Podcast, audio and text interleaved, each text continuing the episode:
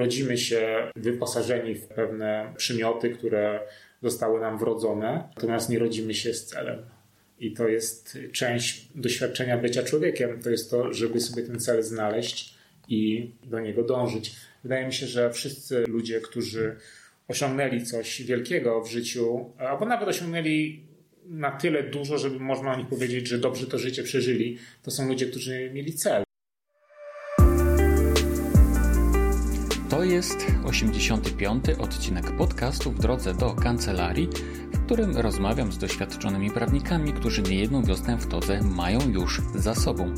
Witam Cię serdecznie, mówi jak zawsze Rafał Chmielewski.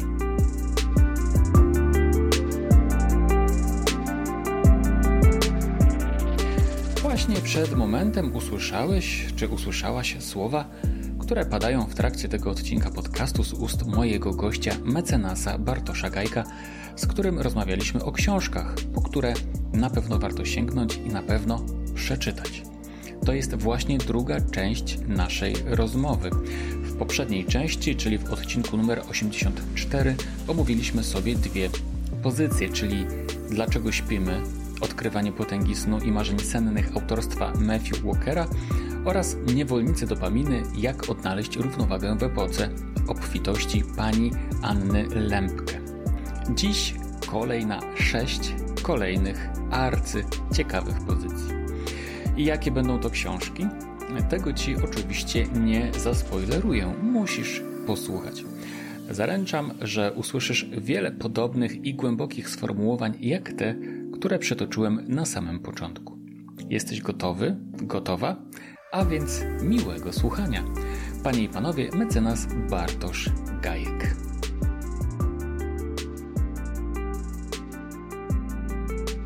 I to jest fajne przejście tak, do książki Praca Głęboka, okay. która jest takim drugim segmentem naszej rozmowy, rozmowy o pracy. Natomiast Praca Głęboka mówi o tym, jak odnieść sukces w świecie, w którym ciągle nas coś rozprasza.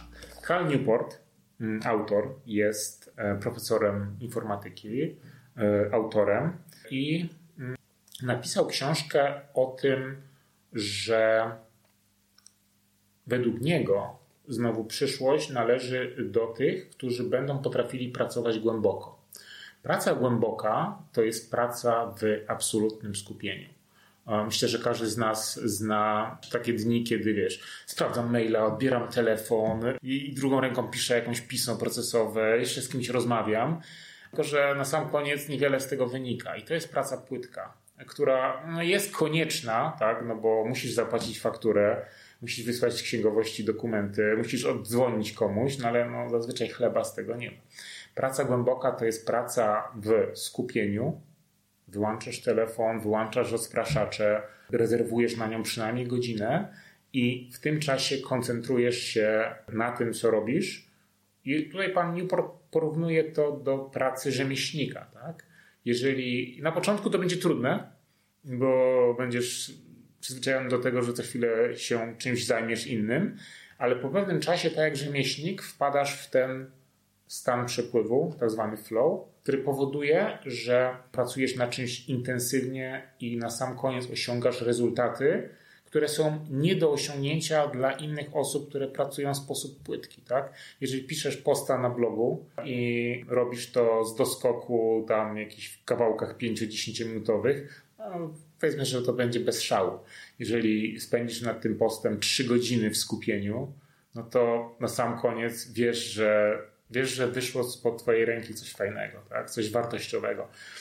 To jest właśnie ta praca, to jest właśnie ta praca głęboka i sama idea jest bardzo prosta, tak? No po prostu wyłącz telefon, weź się do roboty i skup się na czymś, na czymś konkretnym. Natomiast on tutaj pokazuje, dlaczego ta praca ma sens, jaka to jest przewaga ekonomiczna na rynku i nie zdajemy sobie sprawy z tego, jak mało osób jest w stanie w tym momencie pracować głęboko. Jeżeli nie zdajemy sobie sprawy, jaka jest wartość tego, bo nam się wydaje, że musisz przepracować tylko x godzin, żeby coś stworzyć, Nieważne, czy to robisz, wiesz, 5 godzin pod rząd, czy robisz to przez tydzień po 15 minut. No nie, to nie jest absolutnie prawda.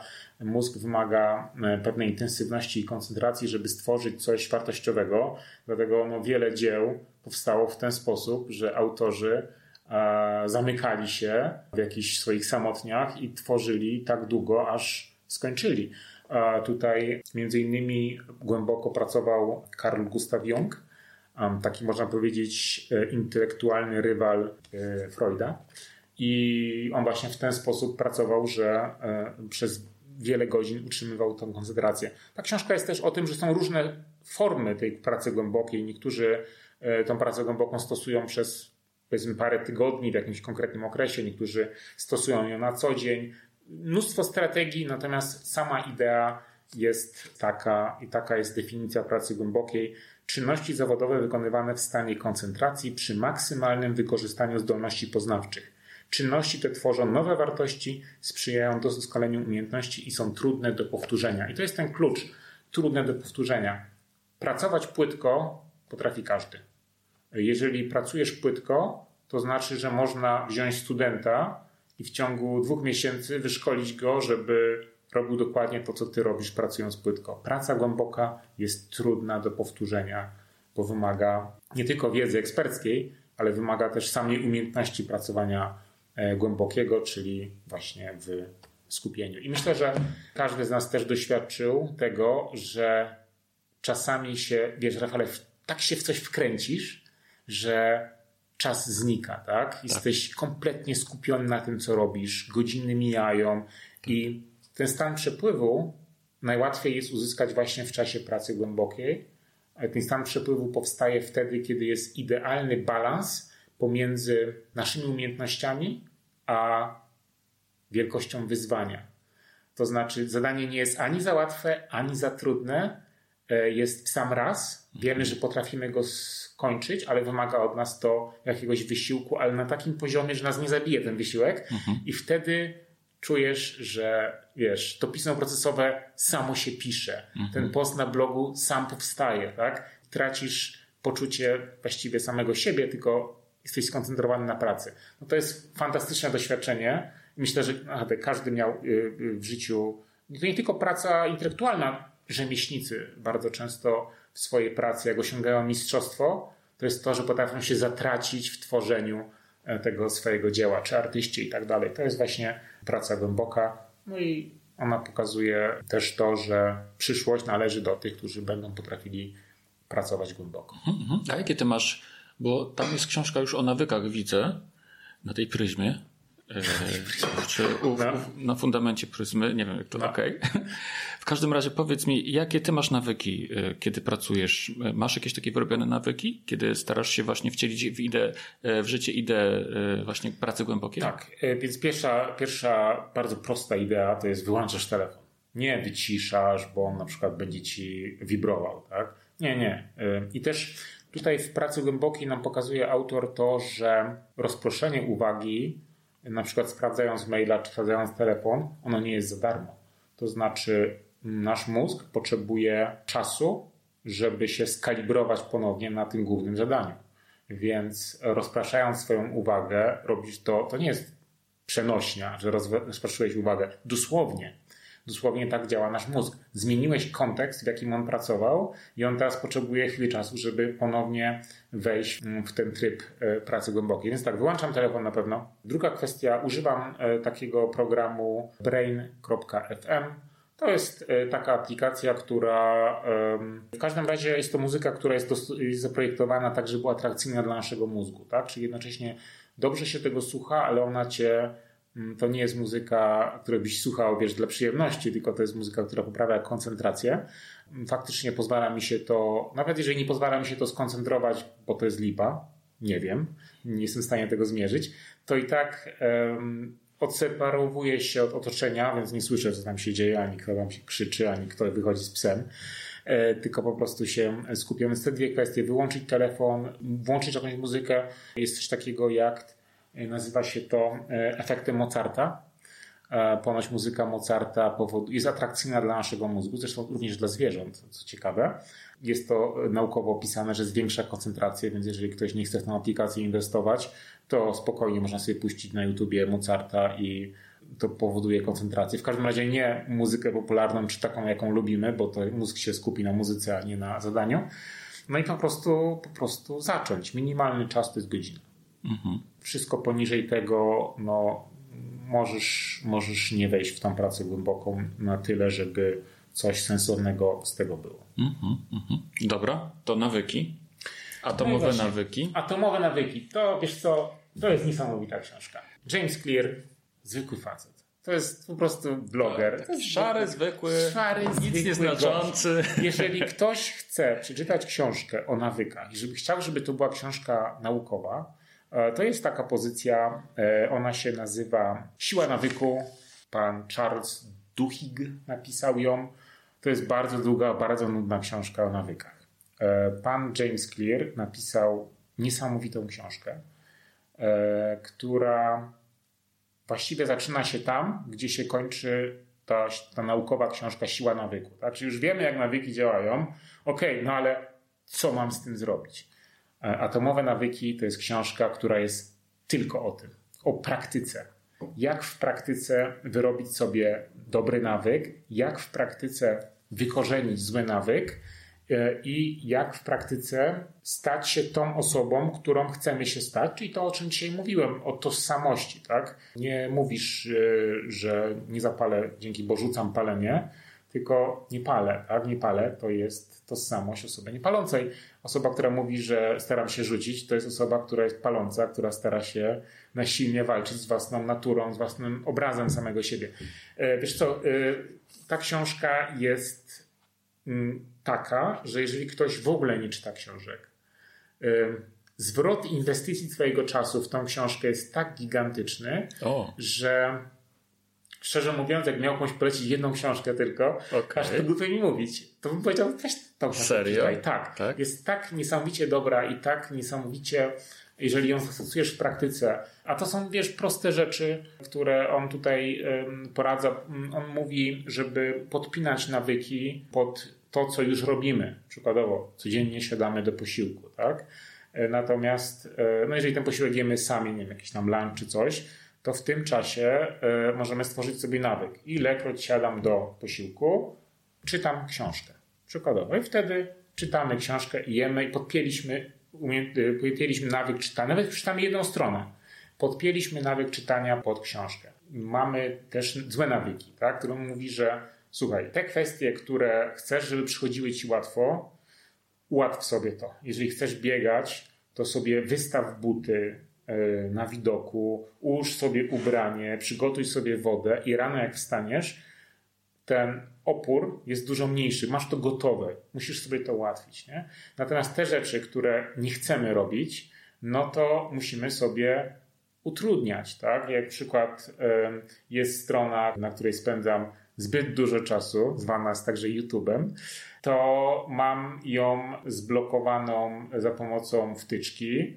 No jeżeli chcę sobie tego YouTube'a wziąć i włączyć na komputerze, no to muszę tą wtyczkę wiesz, odinstalować, coś tam pozmieniać, żeby tego YouTube'a przywrócić, tak? No to już wiesz, no to wiadomo, że czasami się złamię i to zrobię, ale tak. większość czasu mi tak, ach, nie, no Okay. Wymaga to więcej wysiłku ode mnie niż. E, on to bardzo fajnie podaje przykład na przykład konsoli do gier, tak? Że osoba, która chce na przykład mniej korzystać z takich rozrywek, e, okej, okay, no to nie jest tak, że nigdy nie będziesz grał na konsoli, ale weź ją, odepnij, zwiń, schowaj do szafy, no i wtedy jak trzeba będzie skorzystać z konsoli, no to musisz, wiesz, otworzyć szafę, mm -hmm. wyciągnąć konsolę, mm -hmm. rozwinąć, podpiąć to dziadostwo. Mm -hmm. To wymaga wysiłku. Mhm. Więc e, on tu mówi, żeby te nawyki E, warstwami układać e, i w ten sposób jeden nawyk na drugim powoduje, że ten nawyk, który już masz, zaczyna ciągnąć za sobą nawyk, który dopiero chcesz, chcesz wyrobić. Wszystko to jest bardzo praktycznie opisane i najważniejsze jest w tej książce, to przesłanie tej książki jest takie, że tak naprawdę nie staramy się o tyle wyrobić nawyku, co właśnie wyrobić w sobie e, tą tożsamość I ja też o tym tak myślałem. Wydaje mi się, że to jest chyba myślenie wielu osób. To jest to, że albo robimy coś perfekcyjnie, znaczy idealny nawyk przez, wiesz, 50 dni z rzędu, albo, albo nie, albo w ogóle mhm. rzucamy temat. Nie, on tutaj mówi o bardzo e, fajnej rzeczy. E, ilekroć ulegniesz złemu nawykowi, będzie to głos związany, e, na związany z nią tożsamością. Na szczęście nie trzeba być perfekcjonistą. W każdych wyborach padają głosy na obie kandydujące strony. Zwycięzca nie musi zostać wyłoniony jednogłośnie. Wystarczy większość. Kilka głosów oddanych na złe zachowanie czy bezproduktywny nawyk nie będzie miało znaczenia. Twoim celem jest po prostu wygranie w większości przypadków. Mhm. Czyli tak jak jest z książkami, może nie udać się codziennie przeczytać 10 stron, Natomiast za każdym razem, kiedy przeczytasz jedną stronę, to będzie głos oddany na tą tożsamość mhm. czytelnika. Tak? Za każdym razem, kiedy wyszczotkujesz zęby szczotką elektryczną, a nie tym takim dziadostwem zwykłym, którym wiesz, lubisz tam zęby pierniczyć szybko i do spania, to będzie głos oddany za osobą, która ma zdrowe zęby, o które, o które dbasz. Tak? Za każdym mhm. razem, kiedy napijesz się wody, czy zjesz taki posiłek, jak powinieneś, to jest ten głos. E, I po pewnym czasie uzbierają ci się dowody tego, że tak, faktycznie, ja czytam książki, bo mam półkę, na której są książki, które przeczytałem, tak? Mhm. I zaczynasz wtedy bardziej wierzyć w to, co robisz, bo masz dowody na to, że faktycznie jesteś taką osobą. Nie musisz sobie tego, mhm. tego wmawiać. Tą książkę polecałem mnóstwo, mnóstwo osobom, rozdałem tych książek e, kilkanaście i można powiedzieć, że bez nawyków to jesteśmy taką chorągiewką, jak wiatr zawieje, tak, tak, tak zrobimy. Nawyki to jest coś, co pozwala nam odzyskać kontrolę nad naszym życiem pozwala nam robić to, co naprawdę chcemy robić. Jeżeli mhm. nie robimy tego, co chcemy robić, to tylko dlatego, że nie mamy e, nawyku, e, a możemy sobie go wyrobić. I to mm -hmm. nie wymaga jakiegoś tytanicznego wysiłku, wymaga tylko konsekwencji. Mm -hmm, mm -hmm. Tutaj może warto dodać też, że nawyk to jest coś takiego, co e, zwalnia nas z myślenia, z podejmowania decyzji to jest taki e, mechanizm e, organizmu, który pomaga nam oszczędzać, organizmowi pomaga oszczędzać energię, tak, nie? Dlatego tak, to jest tak, takie ważne. Z wielu nawyków sobie w ogóle nawet sprawę nie zdajemy. E, na przykład wstając rano, w którą stopę wsuwamy w kapeć jako pierwszą, nie? Jak myjemy zęby na przykład, są tak mechaniczne już rzeczy, albo jak prowadzimy samochód, tak? Zdarzyło mi się wielokrotnie, już nie mam tego problemu, bo mam inny samochód, ale kiedy jeszcze miałem ze skrzynią manualną, to złapałem się na takich momentach, że ja nie wiedziałem, jaki bieg mam teraz wrzucić, tak? I najlepiej było o tym zapomnieć, o tym mhm. myśleniu i po prostu organizm sam potem funkcjonował e, z automatu. To są nawyki, ale powiem Ci szczerze, Bartku, że z tego zestawu książek, który tutaj e, dzisiaj przyniosłeś, to tej książki nie chciałbym przeczytać. Dlaczego? Mimo tego, znaczy, wiesz, no. e, inaczej. Teraz po e, Twojej rekomendacji mam wrażenie, że to jest książka, którą, po którą powinienem sięgnąć jako pierwszą, tak? Okej, okay, w sensie nie zainteresowała Cię, tak? Ja widziałem u wielu ludzi tę książkę. Mhm także tę, o której wspomniałeś wcześniej, ale zawsze e, dosłownie włosy mi się jeżyły na głowie, jak słyszałem o zmianie nawyków. Nie wiem mhm. dlaczego i mam coś w sobie takiego, że po prostu lubię swoje nawyki. Wiele z nich jest złych, jestem z tego, jestem e, te, te, tego świadom, ale jestem też świadom tego, że być może powinienem je zmienić, tak? Ale coś we mnie jest takiego, co wiesz, to się buntuje strasznie, nie? No oczywiście, że zmiana, być... zmiana jest zawsze trudna i zawsze bolesna. Właśnie, no. właśnie. I być może, może na siłę powinienem właśnie sobie kupić tę książkę i po prostu ją przeczytać. Wiesz co, y, prawda jest taka, że y, pan nawet daje do tej książki takie y, dodatki, które właściwie musiałbyś całej książki, możesz przeczytać te cztery strony tego dodatku, jak to praktycznie zastosować, jak, te, jak konstruujesz te nawyki, bo na tym polega siła tej książki, że on pokazuje ci w praktyce, tak, jak zrobię to, to zrobię to, a następnie zrobię to, tak, i te, tworzysz takie warstwy atomowych nawyków. To są, to nie jest tak, że muszę przebiec, jak przebiegnę 10 kilometrów, to przeczytam dwie książki, tak. Nie, nie, chodzi o właśnie atomowe nawyki, to są podtytuł drobne zmiany, niezwykłe efekty. Aha, czyli atomowe to nie takie, że pół, takie, takie wielkie. To tak? podwójne znaczenie tej książki, tak. Okej, okay, ale to też znaczy, że to są takie drobne zmiany, bardzo, tak? Bardzo takie, drobne. No, taka on rekomenduje, żeby zacząć od dwóch minut.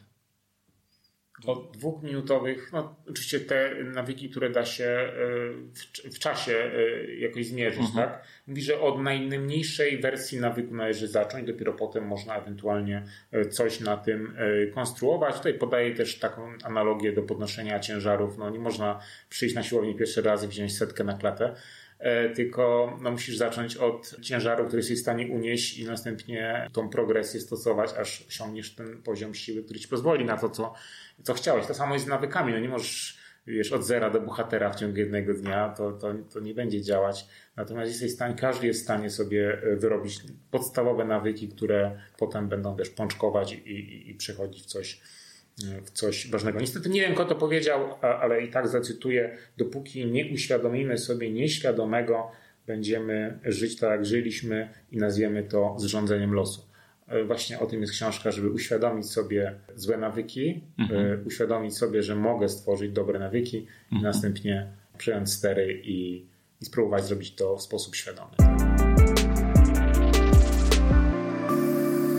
Jedźmy dalej. Jedźmy dalej. Rafale, jesteśmy wyspani, skoncentrowani, pracujemy głęboko, mamy dobre nawyki. No. no to słuchaj, no konsekwencja tego no, musi być taka, że w końcu zaczniemy osiągać sukces, zaczniemy zarabiać pieniążki, tak? Bo wiadomo, że wszystko chodzi o pieniądze, tak? E, Rafale, dwie książki. E, jeżeli chodzi o finanse, finanse są osobiste, są bardzo ważne. E, nie dlatego, że pieniądze są najważniejsze, tylko dlatego, że nie ma takiego problemu, którego brak pieniędzy nie byłby w stanie jeszcze bardziej pogorszyć. Prawdą jest to, co ludzie mówią, że pieniądze nie rozwiązują wszystkich problemów. To jest absolutnie ponadczasowe.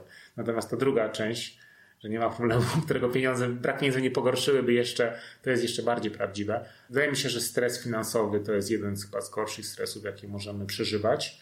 Y, ile małżeństw, jeżeli ktoś zajmuje się rozwodami, ja się trochę zajmowałem, ile małżeństw się rozpadło właśnie przez finanse, tak? ile, ile kłótni było, było przez to, ile ludzi, ile rodzin popadło w ruinę, tylko dlatego, że nie byliśmy w stanie zapanować nad finansami, nie dlatego, że to jest jakoś strasznie trudne, tylko dlatego, że z jakiegoś powodu uważamy, że nie jest to wiedza, która jest nam potrzebna, albo że jest to wiedza tak niesamowicie skomplikowana, że to właściwie trzeba być, pracować w banku, być finansistą i może wtedy mamy szansę, żeby jakoś to ogarnąć. To nie jest prawda. I dzisiaj dwie książki na ten temat. Tak. Pierwsza książka, którą bym od której bym zaczął. Tak. E, Morgan Housel to jest pan, który jest jakiś tam wspólnikiem w jakimś funduszu, jest autorem biznesowym dla Wall Street Journal. Całkiem mądry gość. Książeczka jest króciutka, bo ona ma raptem e, chyba 300, niecałe 300 stron. E, podzielona jest na takie bardzo krótkie rozdziały. Psychologia pieniędzy. Ponadczasowe lekcje o bogactwie, chciwości i szczęściu. I ta książka, ona się rozprawia wiesz co, z mitami związanymi z finansami i o tym, że finanse to, przede, to, to nie są Excele i cyferki, to są przede wszystkim emocje. E, to są przede wszystkim emocje i tak jak kupujemy pod wpływem impulsu, tak samo często podejmujemy złe decyzje finansowe też pod wpływem impulsu i emocji. I nawet tutaj podaję przykłady w książce, że e, jakieś strategie oszczędzania na emeryturę, które w Excelu no na papierze to tylko to należy stosować, bo w takich cyklach na sam koniec będziesz mieć, nie wiem, 300% więcej pieniędzy. No ale cóż z tego, jak ta strategia zakłada, że miejscami możesz stracić 100% kapitału. Teraz, jaka osoba odkładająca na, wiesz, na emeryturę jest w stanie zaakceptować coś takiego, że okej, okay, no czasami stracę 100%, ale potem się jakoś tam odkuję, jak będę dalej odkładał, tak? I potem wyjdę najlepiej. Nie, no to jesteśmy maszynami, które e, odczuwają emocje. Nikt nie jest takim twardzielem, żeby, wiesz, przetrwać coś takiego, taki, takie, tak być strzaskany finansowo, że tracisz 100%, ale i tak wiesz, że na końcu wyjdziesz na swoje.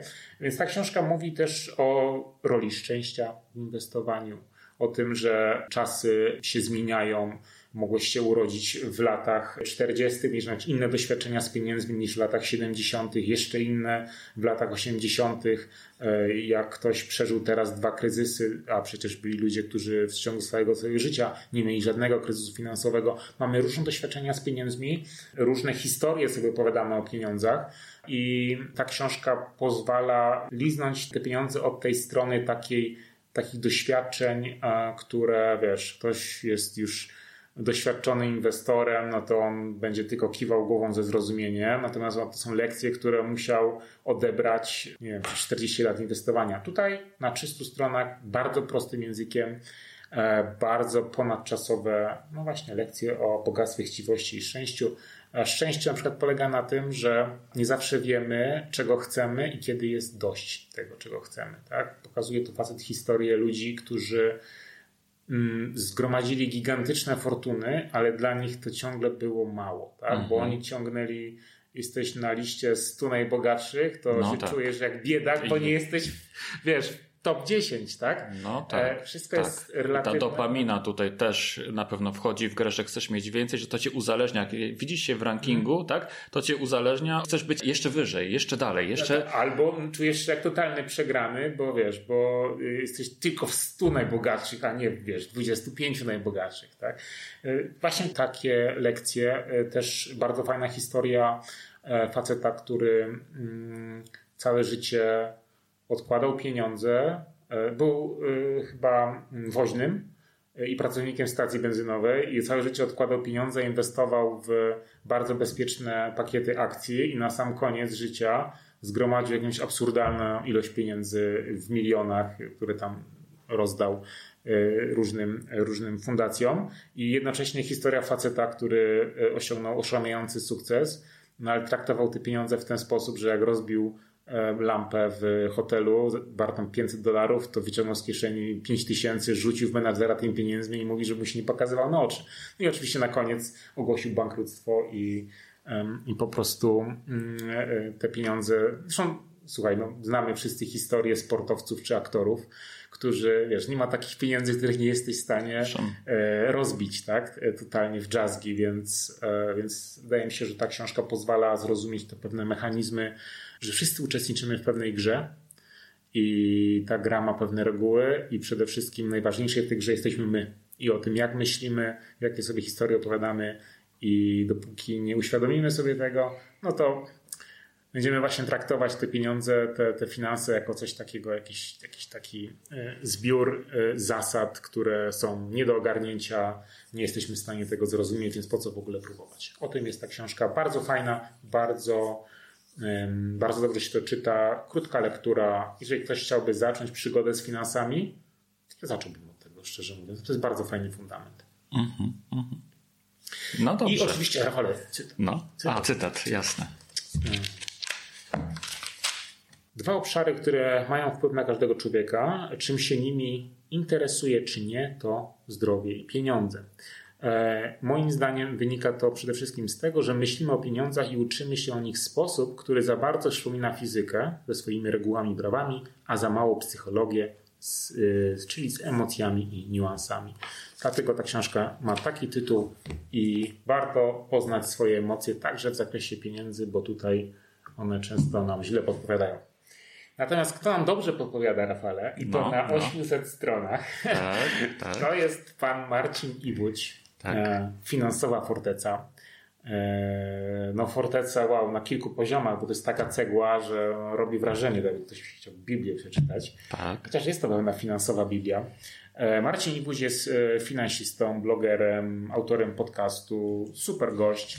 Potrafi super opowiadać tą wiedzę finansową, bardzo konkretną, przekazywać w sposób bardzo, bardzo przystępny. I ta książka jest o praktycznych finansach osobistych.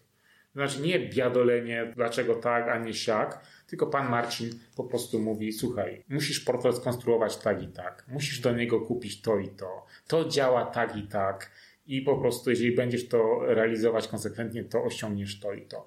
Y, jeżeli ktoś nie ma pojęcia w ogóle o finansach osobistych, to jest książka, którą jeżeli się nie powiem, że zmusi, bo ta książka się, się fajnie czyta, bo Marcin pisze bardzo, bardzo przystępnym językiem.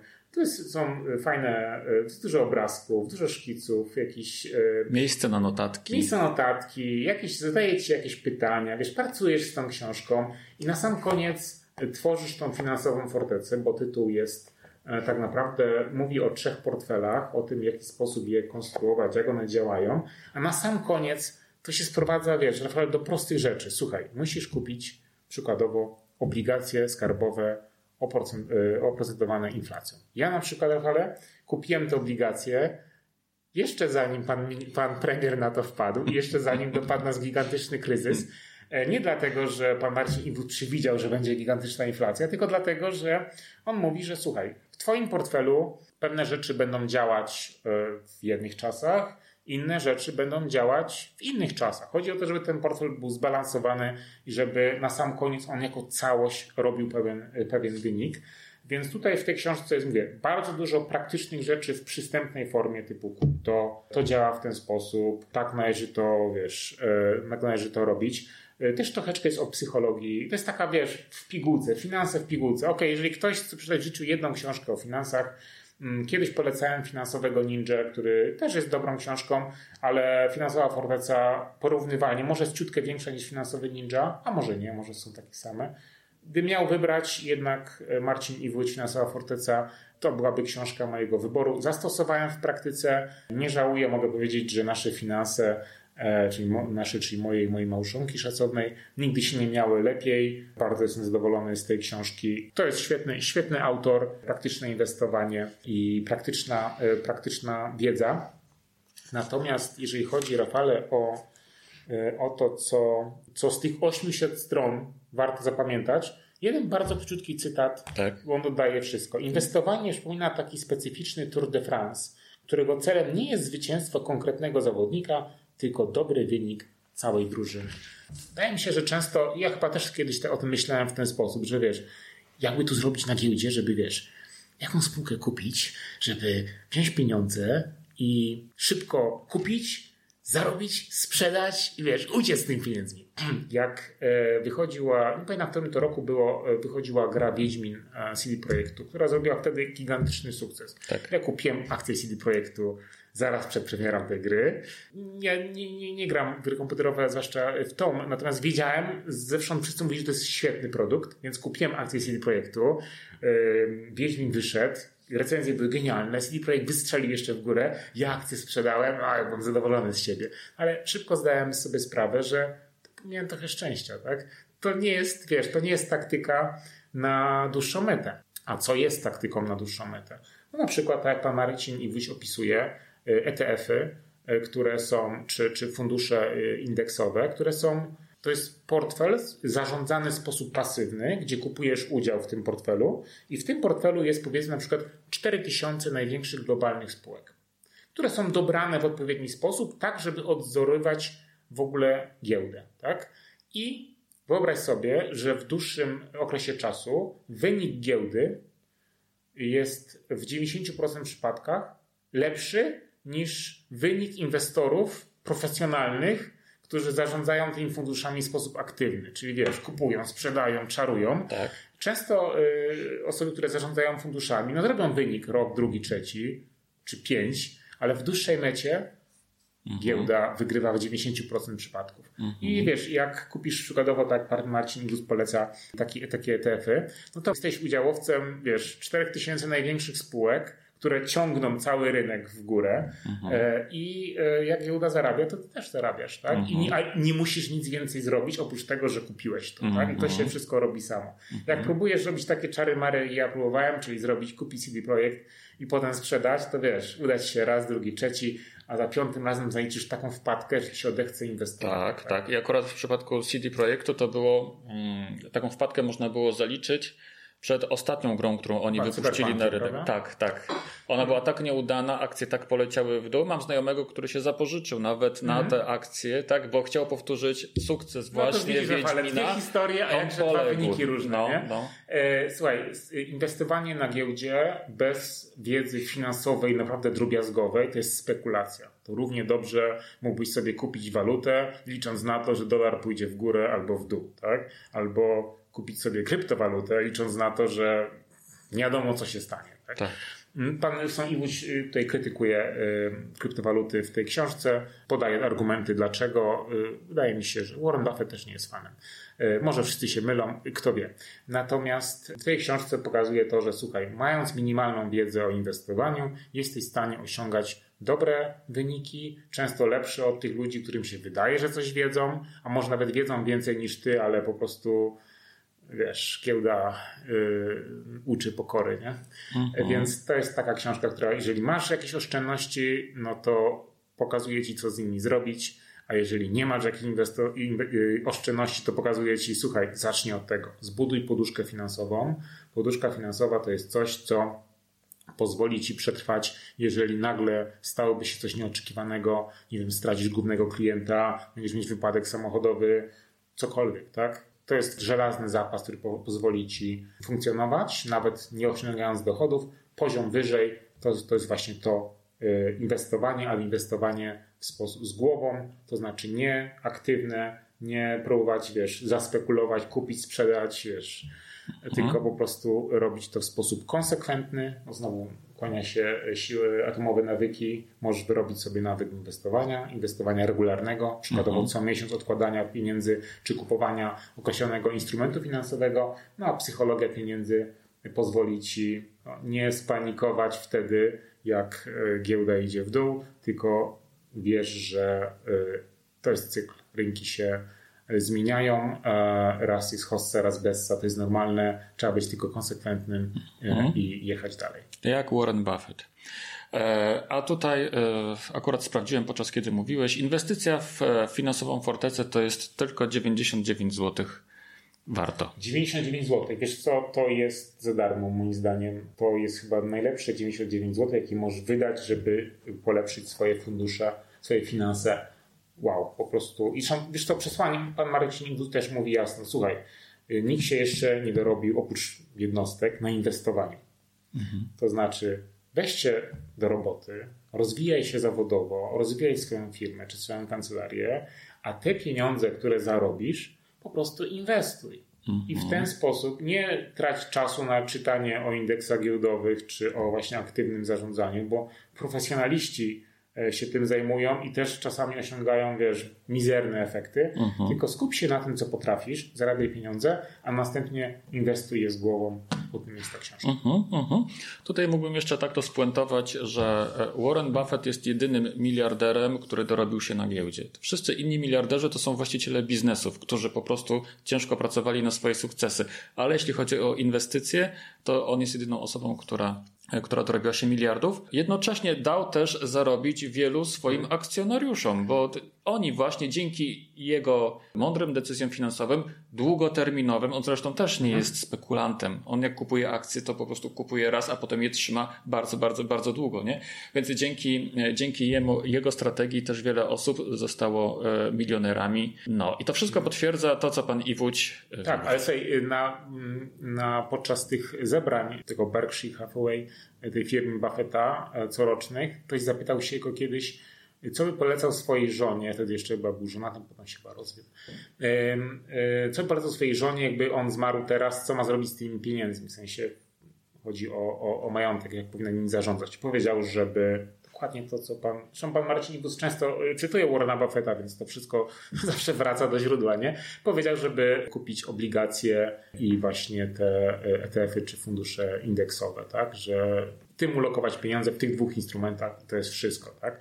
Więc on sprowadził to już do, naj, do, do, do jednego wspólnego mianownika, już tak do absolutnych podstaw i z tej książki E, dowiecie się, co to jest, jak się to je i że to wcale nie jest takie trudne, że wiecie, wystarczy wejść na, na bo tylko w Polsce tylko bank PKO te e, obligacje e, ma skarbowe, wystarczy wejść, założyć sobie konto, założyć sobie rachunek do obligacji, kliknąć kup obligacje je masz. Tak, tak proste? To jest do tego się sprowadza, ale do tego się to sprowadza. Tak, tak samo ETF-y można kupić na przykład w M-Banku, w M-Maklerze. Wchodzisz, kupujesz sobie Y, zakładasz sobie konto maklerskie i kupujesz te ETF-y, koniec, masz je kupione i kupujesz co miesiąc i to, to, to, się, e, to się e, robi samo. Wydaje mi się, że to jest najbardziej przystępna wiedza finansowa, jaką, wiesz, jaką można, można sobie przyswoić.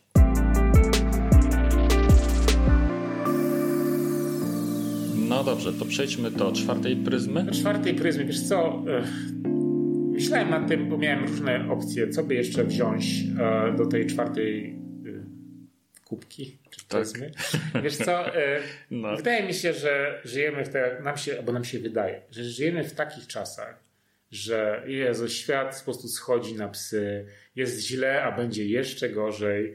Po prostu jest tragicznie. No, no, chińskie, chińskie przekleństwo mówi, obyś żył w ciekawych czasach i że my żyjemy w tych ciekawych czasach. Co różne, wiesz, wojna na Ukrainie, teraz wojna tam na Bliskim Wschodzie. No po prostu. Niedawno skończyła się pandemia, a między pandemią a wojną na Ukrainie wskoczył polski nowy ład, który dał do pieca przedsiębiorcom. Tak, nowy ład, potem inflacja, tak. Jak nie urok, to przemarsz wojsk. No i mówimy, że wiesz, świat schodzi na psy. Tak? tak. Kiedyś to było Rafale dobrze. O tak. Jacia, kiedyś to tak. było dobrze. No dobrze. Chcesz zadać kłam tym twierdzeniom, tak? Factfulness. E, Hans Rosling Um, mądry gość, doradca Światowej Organizacji Zdrowia, UNICEF-u, Banku Światowego. Wow, jego CV jest takie, że był uznany za jednych w 2012 chyba za jedną najbardziej wpływowych intelektualistów y, naszych czasów. Na tej książce jest napisane tak. Jedna z najważniejszych książek, jaką przeczytałem, to niezbędny przewodnik podpowiadający, jak myśleć w życiowy sposób o świecie. Bill Gates. Wiesz, Bill Gates mówi o twojej książce na okładce z frontu, mm -hmm. to znaczy, że coś jest na rzecz. Mm -hmm. Factfulness, dlaczego świat jest lepszy niż myślimy, czyli jak stereotypy zastąpić realną wiedzą. I -hmm. pan tutaj posługując się statystykami e, Światowej Organizacji Zdrowia, UNICEF-u, Banku Światowego, pokazuje nam, że to, w jakich czasach my żyjemy, to jest złoty okres ludzkości, że nigdy nie mhm. było tak dobrze, jak mhm. jest teraz. To jest w ogóle główne przesłanie tej książki. Jak przeczytasz e, w tej książce e, i tam często pan tak prowokacyjnie umieszcza takie testy i mówi, że sprawdź swoją wiedzę, tak? Zaznacz na przykład, ile dziewczynek ma wykształcenie podstawowe, ile dzieci jest zaszczepionych, tak? Zaznaczasz sobie, potem okazuje się, że wiesz, większość odpowiedzi jest błędne, bo jest mhm. dużo lepiej niż sądzisz. W tej książce facet pokazuje, że nasze myślenie o świecie to są połączenie jakiejś myślenia rodem z lat 60. z jakimiś migawkami z wiesz, głównego wydania, powiem wiadomości, ale wiadomości w sensie takim informacji, a nie mhm. TVP, mhm. E, gdzie konstruujemy o naszym świecie jakieś w ogóle katastrofalne wizje, a tymczasem jako całość, jako całość, jako jakby bardzo to górnolotnie nie, nie, nie brzmiało, jako ludzkość, zdecydowanie zmierzamy w dobrym kierunku, jest lepiej niż było i widoki są na to, że pomimo tego, co się dzieje, to i tak y, lepiej niż będzie. Bardzo fajnie do wyobraźni przemawia to, że my staramy się myśleć o świecie, że jest ta część bogata i część biedna, tak? Kraje rozwinięte i kraje rozwijające się. E, wschód i jakiś tam zachód. A pomiędzy nimi Polska. Wiesz co, y, facet mówi, że tak naprawdę są cztery poziomy y, dochodowe i o świecie należy myśleć na zasadzie super bogaci, których jest niewiele, super biedni, których też nie jest strasznie dużo i gigantyczna ilość średniaków, którzy żyją tak sobie, ale w porównaniu na przykład z 200 lat temu, to żyją, wiesz, jak królowie. Tak? Mhm. I wiesz co, nie możemy tego na podcaście pokazać, ale mogę opisać, co widzimy. On tu mhm. pokazuje cztery te stopy dochodu tak. i wiesz, pokazuje poziom pierwszy. Tak? Zaczyna z poziomu pierwszego z jednym dolarem na dzień. Popatrz, mhm. wodę bierzesz z studni, mhm. nawet nie ze studni, z dziury w ziemi. Mhm. Okay. Środek transportu to są twoje stopy, mhm. dosłownie, bo nawet nie masz na buty. Mhm. Okej, okay. gotowanie to jest jakieś ognisko, na którym coś przypieczesz, żeby to w ogóle było ciepłe. Mhm. Twój talerz z jedzeniem e, dzielisz, wiesz, z całą rodziną i to jest jakaś, jakaś mączka w ogóle z wodą, tak? Mhm. Generalnie żyjesz na granicy w ogóle przetrwania. To jest mhm. poziom pierwszy. Poziom drugi zaczyna się już robić troszeczkę lepiej, wiesz. Masz studnię, gdzie jest czysta woda, ok, wszyscy z niej czerpią, ale Powiedzmy, że udało się twój dochód wzrósł czterokrotnie. Popatrz, z dolara masz 4 dolary i patrz jaka przepaść. Masz już studnię. Ok, do studni to jedziesz sobie rowerem, postawcie na rower. Mhm. Gotujesz już na piecyku gazowym, masz butlę gazową i nie musisz, wiesz, na lepiance e, rozpalać ogniska. Masz już sztućce, nie jesz rękami, wiesz, zaczyna się, zaczyna się robić coś dobrze. Jest poziom drugi. Mhm. I nagle, jak podwoisz to, jak masz 16 dolarów dziennie. Co to jest 16 dolarów, tak? Słuchaj, masz bieżącą wodę, masz już e, skuter, Mhm. Możesz się przemieszczać między miastami, jesteś mobilny. Mhm. Masz już kuchnię, masz piecyk gazowy i jesteś w stanie coś sensownego przygotować. Żyjesz na takim poziomie, który dla poziomu jednego dolarowego to jest w ogóle nie do pomyślenia. Mhm. A jak jesteś w tym kraju, gdzie masz 32 dolary dziennie, czyli tam, gdzie my wszyscy jesteśmy, to wiesz, masz bieżącą wodę normalnie, masz dom, masz samochód, mhm. masz kuchnię normalną, masz talerz z jedzeniem i takie są fakty o świecie, tak? Mhm. E, że nie istnieją tylko super bogaci, super biedni, tylko jest cała masa osób, które żyją na przeciętnym poziomie. I y, opisałem przechodzenie przez kolejne poziomy na przykładzie jednego człowieka. To dość niespotykane. Zwykle przejście z poziomu 1 na poziom 4, czyli z 1 dolara na 32, zajmuje rodzinie kilka pokoleń. Jeszcze 200 lat temu 85% ludzkości żyło na poziomie pierwszym, to znaczy w skrajnym ubóstwie. Wiesz, ale my teraz, jak patrzysz na to, że 200 lat temu to wiesz, to było co to, co to jest 200 lat temu, nie? Niektórzy już dożywają setki, no to jest jedno pokolenie dla nich, mhm. tak? Jak zobaczysz sobie, że ktoś książkę weźmie do ręki i poczyta o tym, co to jest skrajne ubóstwo i że 85% populacji żyło 200 lat temu, no to ciężko jest powiedzieć, że żyjemy w najgorszych czasach albo że teraz to jest dopiero e, teraz świat szedł na psy. Nie? Mm-hmm, Czyli ja rozumiem, że e, ta książka ma na celu takie po prostu podbudowanie. Jeżeli zrozumiem to, że Świat jest lepszy to, niż że, kiedykolwiek. Właśnie, no to no. Nadzieją taką, tak? Wiesz, Napawa w pewnym sensie. Ciężko w wiadomościach, y, znowu, rozumianych jako informacje w telewizji, y, czy przeczytać w internecie, że gdzieś tam w jakimś tam kraju ilość dziewczynek, które nauczyły się czytać i pisać, wzrosło o 4%. No to nie jest news, tak? Ale wiesz, ale jaki to ma przełożenie na ten kraj, na całą, e, cały segment tego świata i w ogóle e, na naszą cywilizację jako taką, to jest nie do, nie do ocenienia, tak? Więc te informacje pozytywne nie trafiają do nas, bo to nie jest news. News jest to, że był zamach bombowy, tak news jest. jest to, że, była, e, że jest wojna, że gdzieś jest tam bieda, tak. że gdzieś jest niedożywienie. Pan pokazuje też to, że słuchaj, skrajny śmierć głodowa to najczęściej w tym momencie jest wynik tego, że jakiś lokalny wataszka używa jedzenia, dostępu do jedzenia jako broni. Mhm. A nie dlatego, że ludzie faktycznie nie mają, e, nie mają co jeść. Oczywiście zdarzają się takie przypadki, ale to nie jest tak jak już kiedyś, gdzie myślimy o Afryce w kategoriach tego, gdzie ludzie umierają z głodu w sposób masowy. Tak? tak. To, to nie jest już ten świat. I też pokazuje to, i to jest super ciekawe, że różnice kulturowe się zacierają. Zaczynamy się unifikować jako pewien styl życia. Styl życia kobiety w Chinach, ona nie ma piątki dzieci, ona ma przeciętnie dwie. Albo jedno dziecko. E, styl życia Chinki nie różni się tak bardzo od stylu życia Polki. Świat zaczyna ciągnąć do tych samych standardów życia i przez to e, te różnice kulturowe też się będą zacierać, pomimo tego, że nam się wydaje, że one się właśnie pogłębiają, tak? że wszystkie wojny teraz występują właśnie na Bliskim Wschodzie przez różnice kulturowe i tak dalej. Nie, to nie jest prawda i ta książka pozwala złapać perspektywę. Wydaje mi się, że to jest jej przesłanie główne. O właśnie. Złapać perspektywę, że wiesz, świat jest nieco bardziej skomplikowany, ale jest lepiej niż było.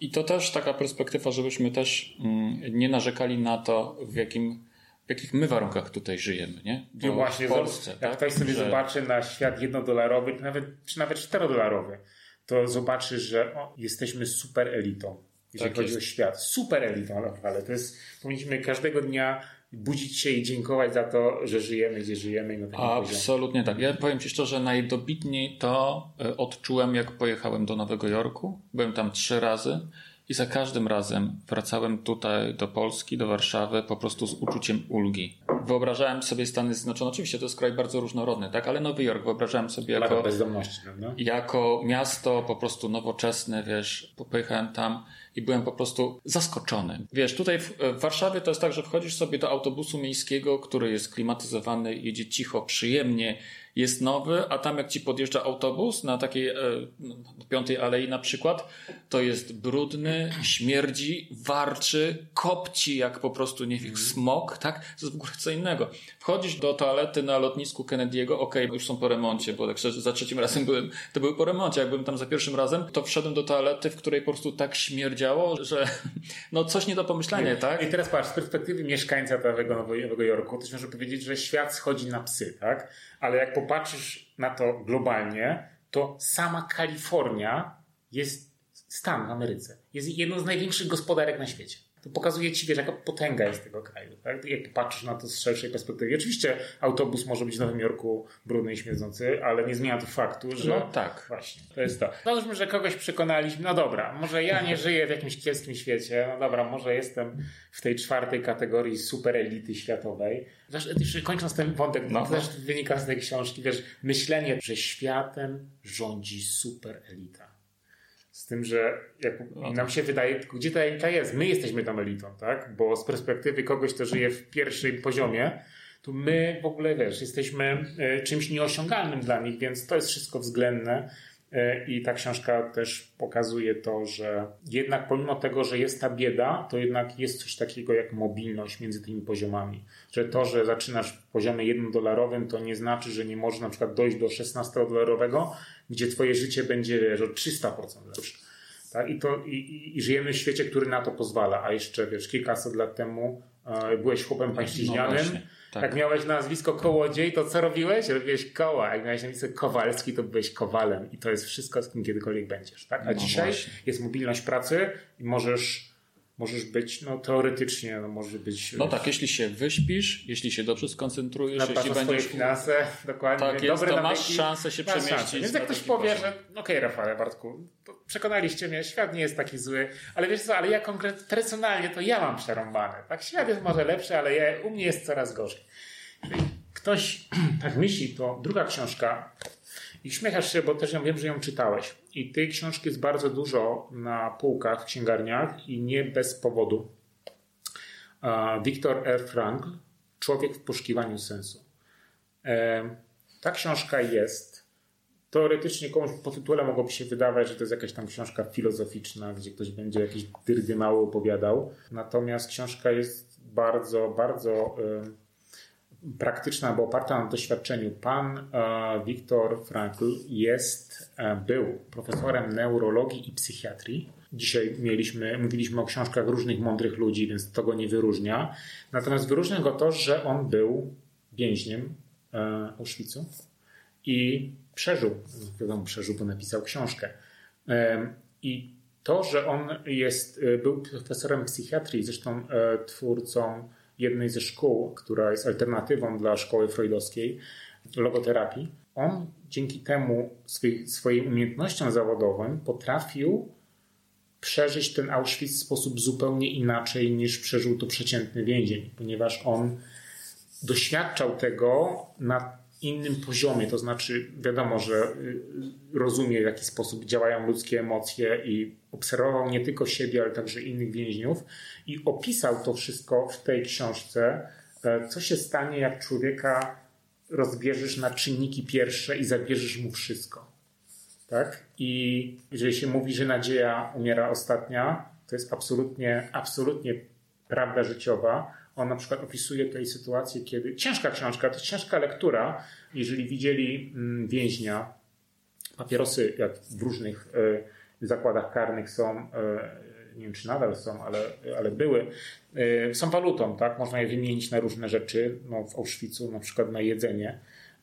I jeżeli widzieli więźnia, który palił papierosa, to wiedzieli, że on się poddał i że i zazwyczaj bardzo szybko umierał ponieważ odpuścił, tak? Wypalił tego papierosa, bo nie wymienił go na jedzenie, tylko po prostu odpuścił i wypalił go jako ostateczna rzecz, którą postanowił zrobić. I tak też wiedzieli, że jeżeli ktoś odpuszczał, tracił nadzieję, to po prostu e, ginął. I mm, on do tego Auschwitza wchodzi jak każdy przeciętny więzień. Natomiast w trakcie swojego pobytu no, przechodzi pewną ewolucję widzi, jak ludzie wokół niego umierają, i na sam koniec doznaje mm, takiego olśnienia, gdzie w końcu, gdzieś w połowie książki, on zrozumiał, co jest tym sensem. Ja przeczytam to, ale nie powiem, co jest tym sensem, dlatego że jeżeli ktoś powinien przeczytać z tych dzisiejszych książek coś, to wiem, że ciężko jest atomowe nawyki z, zrównać z człowiekiem w poszukiwaniu sensu. Niemniej jednak e, może to zachęci do przeczytania tej książki. Mhm. Nagle poraziła mnie pewna myśl. Po raz pierwszy w życiu objawiła mi się prawda, po tylekroć wplątana w pieśni przez poetów i ogłaszana z najwyższą mądrością przez filozofów, a mianowicie, że mhm, jest najwyższym i najszlachetniejszym celem, do jakiego może dążyć człowiek. Zrozumiałem, że nawet ktoś, komu wszystko na tym świecie odebrano, wciąż może zaznać prawdziwego szczęścia, chociażby nawet przez krótką chwilę, za sprawą kontemplacji tego, co, i tutaj wykropkuję, w sytuacji całkowitej samotności, gdy nie sposób wyrazić samego siebie poprzez y, pozytywne działanie, gdy jedynym i największym osiągnięciem jest godne i szlachetne znoszenie własnego cierpienia, nawet w takiej sytuacji można doświadczyć spełnienia, kontemplując uczuciem noszony w sercu. Mhm. Tak. Rafał, nie, nie będę ukrywał, że mi y, troszeczkę y, oczy się zaszkliły, ponieważ ta książka jest mhm. naprawdę wzruszająca. Mhm. I y, no właśnie, jeżeli komuś się wydaje, że jest w bardzo ciężkiej sytuacji, no to oczywiście porównując się do, do tego, co pan Franklin przeżył, no to nie mamy żadnych problemów. E, natomiast e, nie takie jest przesłanie tej książki. No, przesłanie tej książki jest takie, że nawet jeżeli jesteśmy w złej sytuacji, jest nam ciężko, przecież nie trzeba być więźniem Holokaustu, żeby przechodzić przez jakieś osobiste piekło, to jednak ta książka pokazuje, w jaki sposób można sobie z tym poradzić i w jaki sposób można wyjść z tego, no, nie będąc totalnie złamany y, przez życie, tylko obronną ręką, a nawet może silniejszy niż, niż kiedy, kiedy ten problem zaczął się u nas pojawiać. Także bardzo krótka książka. Jeżeli ktoś już naprawdę ma alergię na książki, to 200 stron, no to naprawdę. To jest tak. jedna z y, ważniejszych książek, które zostały w ogóle napisane w historii. Więc tak. jeżeli mielibyśmy polecić, wiesz, tak kurczę, jakiś top 10, to na pewno ta książka tak jest. jest w moim top 10 i myślę, że w top 10 uh, wielu ludzi chyba przetłumaczona na wszystkie języki sprzedała się w milionach jakichś absurdalnych, ponadczasowa tak. i wow, po tak. prostu brak mi słów, żeby, żeby opisać to, co tam w tej książce można, można znaleźć. Tak. Mogę teraz ja? No, Z tych wszystkich książek, które e, tutaj są, przed nami leżą, E, to tę książkę przeczytałem. Rzeczywiście, e, jeśli chodzi o top, dla mnie to pewnie będzie gdzieś w top 3 nawet, nie? Ja wielokrotnie mówię o niej, że to jest najważniejsza książka, którą w ogóle trzeba przeczytać w życiu. E, jeżeli ktoś miałby tylko jedną przeczytać oprócz elementarza, to to jest właśnie Człowiek w poszukiwaniu sensu. Ona jest podzielona na no, dwie części, powiedziałbym tak. W pierwszej części on opisuje swój pobyt właśnie w Auschwitz i to, jak on wpadł na, wpadł to jest złe słowo, tak jak on odkrył może, może bardziej to, że poszukiwanie sensu w życiu człowieka ma niebagatelne znaczenie y, dla wielu aspektów funkcjonowania w ogóle, nie tylko w formie psychicznej, ale też i fizycznej, bo to też y, to, co powiedziałeś, że o tym poddawaniu się, tak? Że człowiek więzień, który palił papierosa, on się poddawał, ale poddawał się również E, e, nie tylko w sensie e, psychicznym, ale też w sensie fizycznym, tak? Bo to poddanie, czyli utrata nadziei spowodowało to, że bardzo często ci ludzie od, razu zachorowywali na różnego rodzaju choroby, tyfus i tam różne inne, które tam się szerzyły. Więc E, to jest to, to jest w tej pierwszej części, natomiast w drugiej części on e, wykłada tą swoją szkołę psychologii czy, czy, czy psychoterapii. Nazwałeś, on to nazwał logoterapią, tak? tak? Właściwie ten, tą część książki jakoś można nawet pominąć, bo to nie, nie tak. to można, później, tak? Można, ona jest zupełnie, zupełnie, jeżeli ktoś przeczyta to, tą pierwszą część, ona jest bardzo emocjonalna, bo to jest po prostu historia, tak? Jeszcze taka taka bardzo, bardzo wzruszająca. To ta druga część, to można powiedzieć, że jest taka, taka merytoryczna, tak? No to ale później. Ale tak, ale znalazłem tam mnóstwo, mnóstwo ciekawych również innych e, takich e, założeń, wskazówek, e, też dotyczących właśnie lo, logoterapii. Ja natomiast patrzę na tą książkę z punktu widzenia biznesowego, nie? bo on właśnie mówi o tym, że ważne w życiu człowieka jest to, czy, ta, czy logoterapia w ogóle zasadza się na tym, żeby pomóc człowiekowi e, w uzyskaniu równowagi, poczucia szczęścia przez to, że ten, że ten ktoś zwerbalizuje sobie swój własny cel w życiu, jakieś takie powołanie, nie? E, to też odnosi się do nas jako do przedsiębiorców po prostu. Na potwierdzenie Twoich słów. Widać zatem wyraźnie, że podstawą zdrowia psychicznego jest pewien stopień napięcia, rozdźwięk pomiędzy tym, co już osiągnęliśmy i tym, co jeszcze musimy osiągnąć, albo tym, kim jesteśmy, a kim powinniśmy się stać. E, więc on absolutnie e, mówi tutaj o, o tym, że błędne jest założenie, i o tym też zresztą pani Lemke mówi, że potrzebujemy więcej komfortu, że to nas uszczęśliwi.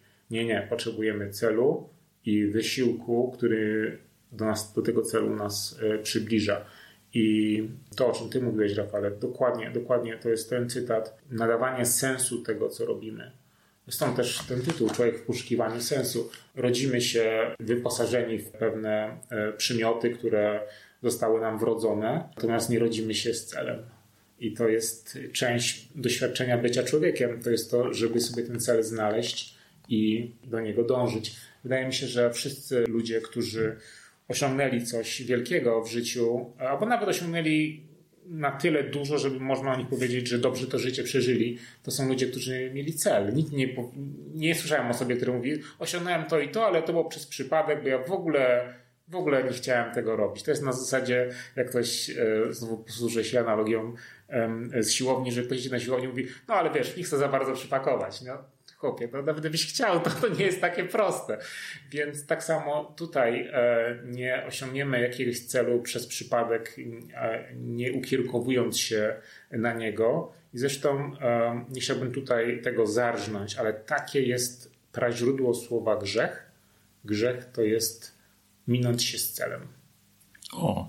Tak, przynajmniej tak mówił o tym pan Jordan Peterson, którego również uwielbiam. I właśnie, ta książka, można powiedzieć paradoksalnie, ma zastosowanie w biznesie, tak jak ty powiedziałeś. I dużo jest takich książek, które były napisane w zupełnie innym celu, ale mają zastosowanie biznesowe.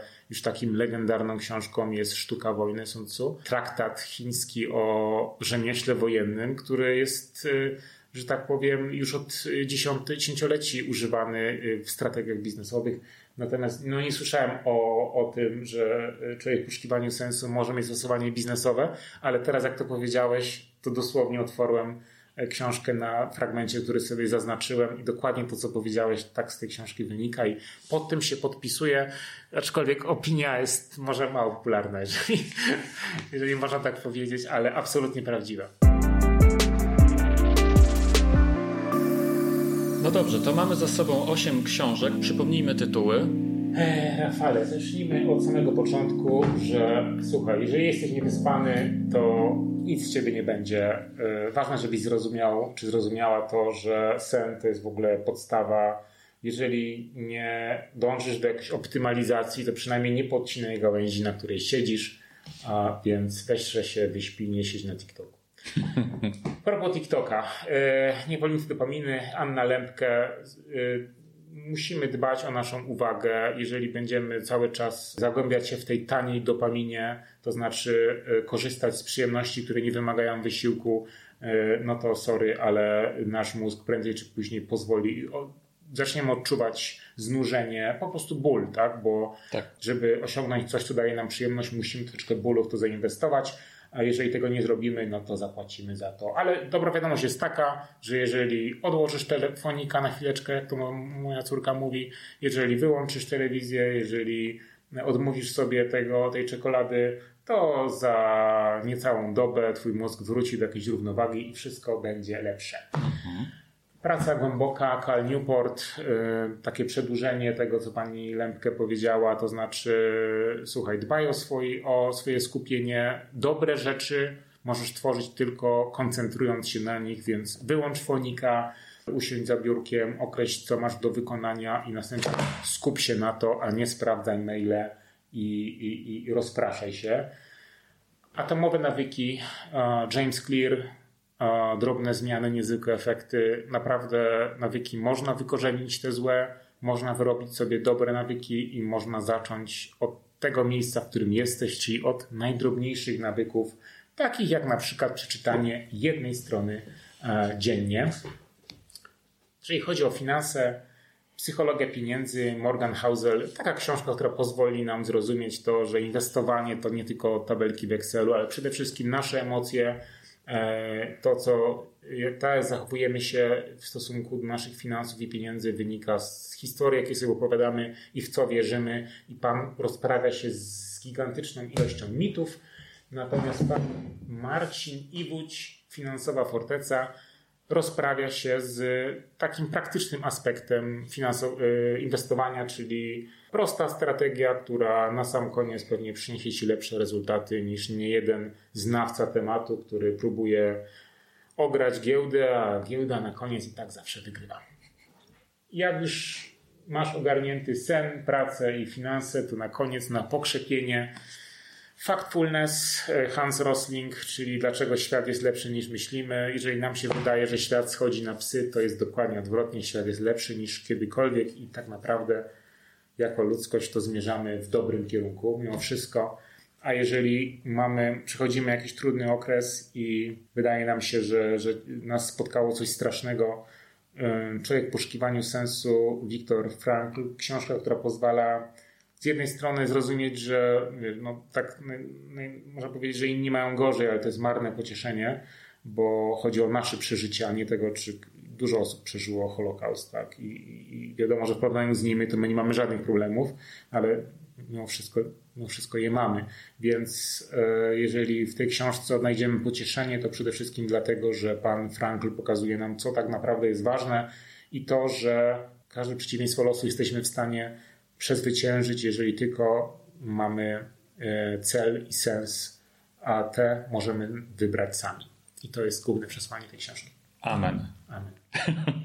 Dzięki Bartku za, e, za rozmowę, e, za przedstawienie tych wszystkich wspaniałych książek. Wydaje mi się, że jeżeli ktoś by chciał sięgnąć do nich i zajęłoby mu to rok, to po tym roku będzie po prostu innym człowiekiem i będzie miał lepszy stan finansów płatszy, wyspany, e, piękniejszy, bogatszy. Rafale, no kurczę, no naprawdę. Jak ktoś mógłby tego nie przeczytać? Dobrze. Bartku, dziękuję Ci bardzo jeszcze raz. Ja, Rafale, dziękuję za zaproszenie i w takim razie do zobaczenia, tak? Ostatni raz się słyszeliśmy 2019, no więc tak może parę książek przygotuję na 2029, tak? No, miejmy nadzieję, że trochę szybciej trochę jednak. Szybciej. Mm. No dobra, do, do usłyszenia. Do usłyszenia. I w ten sposób zakończyła się nasza niemal dwugodzinna rozmowa. Możesz być jednak pewien czy pewna, że wiele razy tutaj gryzłem się w język, żeby nie skomentować tego czy owego. Nie zrobiłem tego jednak, bo inaczej nasza rozmowa nie zajęłaby dwóch godzin, ale znacznie więcej. Poza tym, e, to nie ja tutaj byłem gościem, więc musiałem zostawić miejsce dla właśnie mojego gościa. Przypomnę, że tym razem rozmawialiśmy o książkach pod tytułem Praca głęboka, jak odnieść sukces w świecie, w którym ciągle coś nas rozprasza, autorstwa Cola Newporta, Atomowe nawyki, drobne zmiany, niezwykłe efekty Jamesa Cleara, Psychologia pieniędzy, ponadczasowe lekcje o bogactwie, chciwości i szczęściu pana Morgana Hussela, Finansowa forteca, jak inwestować skutecznie i mieć większy spokój autorstwa Marcina Iwucia, Factfulness, dlaczego świat jest lepszy niż myślimy, czyli jak stereotypy zastąpić realną wiedzą Hansa Roslinga oraz Człowiek w poszukiwaniu sensu Wiktora Frankla. Tyle poleceń mecenasa Bartosza Gajka. Jeśli przeczytasz te pozycje w ciągu roku, to na pewno zmienią one Twoje życie na lepsze. Czasem jedna myśl, jedno zdanie przeczytane nawet w nudnej książce może odmienić Twój los. Warto czytać i warto poznawać. Chciałbym jeszcze się na chwilę zatrzymać przy książce ostatniej, czyli Człowiek w poszukiwaniu sensu e, pana Wiktora Frankla. To jest naprawdę niezwykła książka, którą polecam każdemu, bez względu na to, czym się zajmuje w życiu. Daje ona odpowiedź na pytanie, gdzie szukać szczęścia. To jest trudna książka, ale nie w sensie filozoficznym czy intelektualnym, ale w sensie emocjonalnym. Ta książka po prostu pozostawia trwały ślad, ale jest to ślad pozytywny i dobry. Bartek przytoczył fragment tej książki, ja zaś mam zaznaczony w niej inny, którym chciałbym się z Tobą teraz podzielić. Posłuchaj. Nie należy poszukiwać w życiu jakiegoś abstrakcyjnego sensu. Każdy człowiek ma swoje wyjątkowe powołanie czy misję, której celem jest wypełnienie konkretnego zadania. Nikt nas w tym nie wyręczy ani nie zastąpi, tak jak nie dostaniemy szansy, aby drugi raz przeżyć swoje życie. A każdy z nas ma do wykonania wyjątkowe zadanie, tak jak wyjątkowa jest okazja, aby je wykonać.